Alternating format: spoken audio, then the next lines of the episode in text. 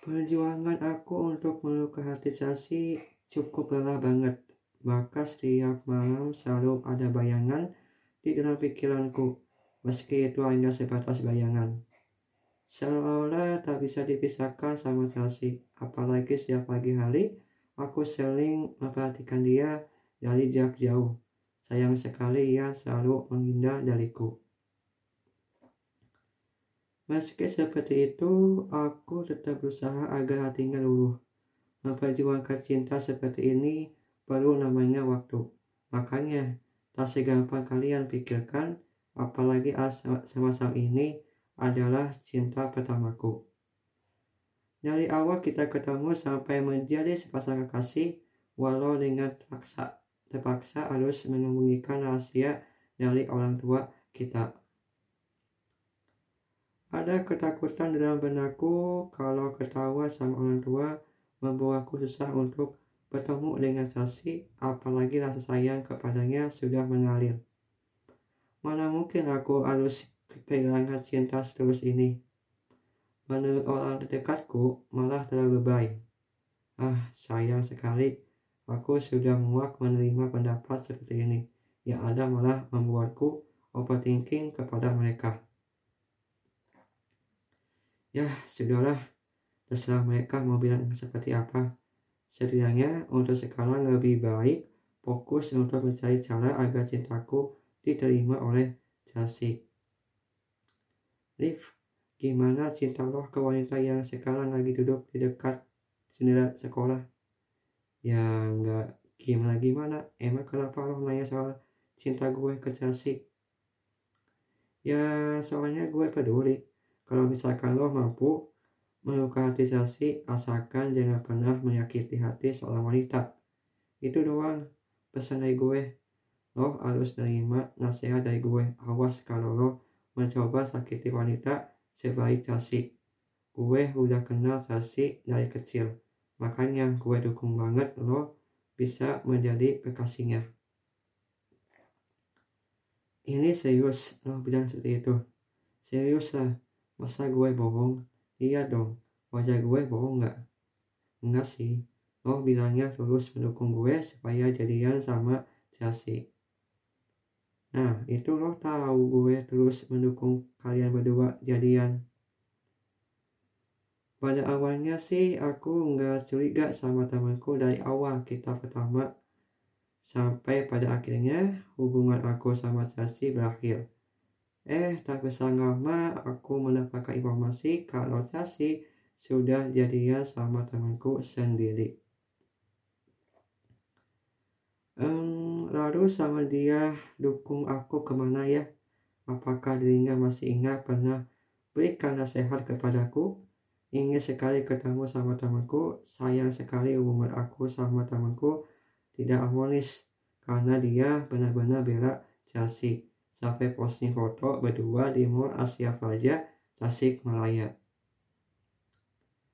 Dari situlah aku mencoba untuk lupakan kenangan bersama Chelsea. Pada akhirnya aku mampu melakukannya sehingga hampir beberapa tahun aku belum pernah jatuh cinta lagi dan belum bisa membuka hati untuk menerima perempuan lain. Hingga akhirnya aku ketemu sama seorang perempuan begitu cantik bagaikan bidadari yang kutemui di Jatinangor, Sumedang. Dan ternyata dia sekampus denganku. Wah, pada saat kenalan dengannya, jantungku berdebar sangat kencang. Tidak mungkin dong, aku langsung punya perasaan suka. Setelah tahu nama perempuan itu, aku makin penasaran ingin mengenal dia. Oh iya, namanya perempuan itu Shakira Putri Salsabila. Selama di kampus, Shakira sering baca buku, dengerin lagu, apalagi dia sangat menyukai film Harry Potter, termasuk punya buku novel Harry Potter. Walau ada susah untuk mendekati seorang perempuan seperti dirimu, setidaknya untuk berusaha dulu, daripada menyesal tidak mengungkapkan perasaanku padanya. Sekiranya untuk mengobrol nggak masalah kan? Masa iya harus nunggu berapa bulan supaya kita akrab dan sudah saling kenal satu sama lain? Mungkin hal seperti ini asing di telinga Sakila. Memang ini waktunya supaya bisa tahu kamu sukanya apa, apakah ada film favorit selain Harry Potter kah? Atau mungkin buku yang Sakila mau beli sayangnya belum punya uang. Aku siap membantu kok asalkan Sakila bersedia untuk buka hatinya. Aku pun tidak ada paksa karena keputusannya ada, ada di Sakila. Aku hanya sekedar tunggu saja. Selama menunggu itu, aku pun cukup khawatir kalau perasaanku diketahui oleh teman sekelasku.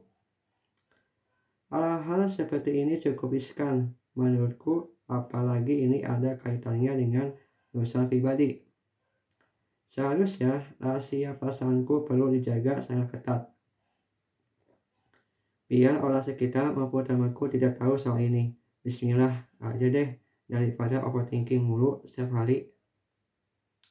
If lihat tuh cewek yang kau suka, emang lo nggak berani dekati dia? Terus hubungan gue sama Sakira apa? Nah, bukannya lo suka sama Sakira ya? Informasinya dapat dari, dari siapa? Jangan ada gue sama Sakira masih temen kok belum jadinya sama cewek yang lo maksud. Oh gitu. Iyalah kalau gue jadinya sepasi sekarang lagi di samping Sakira. Buktinya gue masih di sini sama lo. Benar kata lo. Untungnya aku bisa menjawab pertanyaan dari temanku. Kalau sampai tahu soal ini, makin gawat. Aku pun tak bisa mengipan lama-lama. Pasti kalian semua bakal curiga kalau misalkan aku punya rasa suka sama Sakira. Makanya untuk saat ini perlu hati-hati deh. Dah berselang lama akhirnya sudahlah akhiri aja perasaanku. Selama ini aku hanya bisa memendam daripada beritahu soal perasaanku. Sumpah, baru kali ini loh aku tak mampu sampaikan ke dia. Tak kenapa bibirku susah untuk mengatakan secara jujur. Kalaupun tidak ada paksaan dari mereka, nggak mungkin jawab pertanyaan secara gamblang. Bahkan sampai screenshot isi chat aku dengan temanku. Eh, malah kasih tahu ke grup kelas. Bayangkan aja, muka aku mau ditaruh di mana. Salah mengejutkan, Sakira sangat malah ke teman-temannya, bahkan sampai menunggu untuk tidak boleh kasih tahu soal pribadi seseorang. Dari sanalah aku berniat ingin lupakan perasaanku selama lima bulan. Akhirnya perasaanku tersebut sudah hilang dari hatiku. Selama itu aku hanya terdiam, introspeksi, bahkan sampai tidak mampu, tidak mau ke kampus. Rasanya malu kalau ditanya kejadian kemarin, aku harus jawab apa. Pada akhirnya, aku menemukan perempuan sampai sekarang pun masih terbayang wajahnya. Cuma dia yang bisa membuatku jatuh cinta lagi meski pada awalnya lagu ketika perasaanku tumbuh kembali. Mulai sekarang perasaanku perlu dijaga dengan rapat. Jangan sampai temanku tahu kalau aku lagi merasakan jatuh cinta dari tahun 2018 sampai tahun 2023.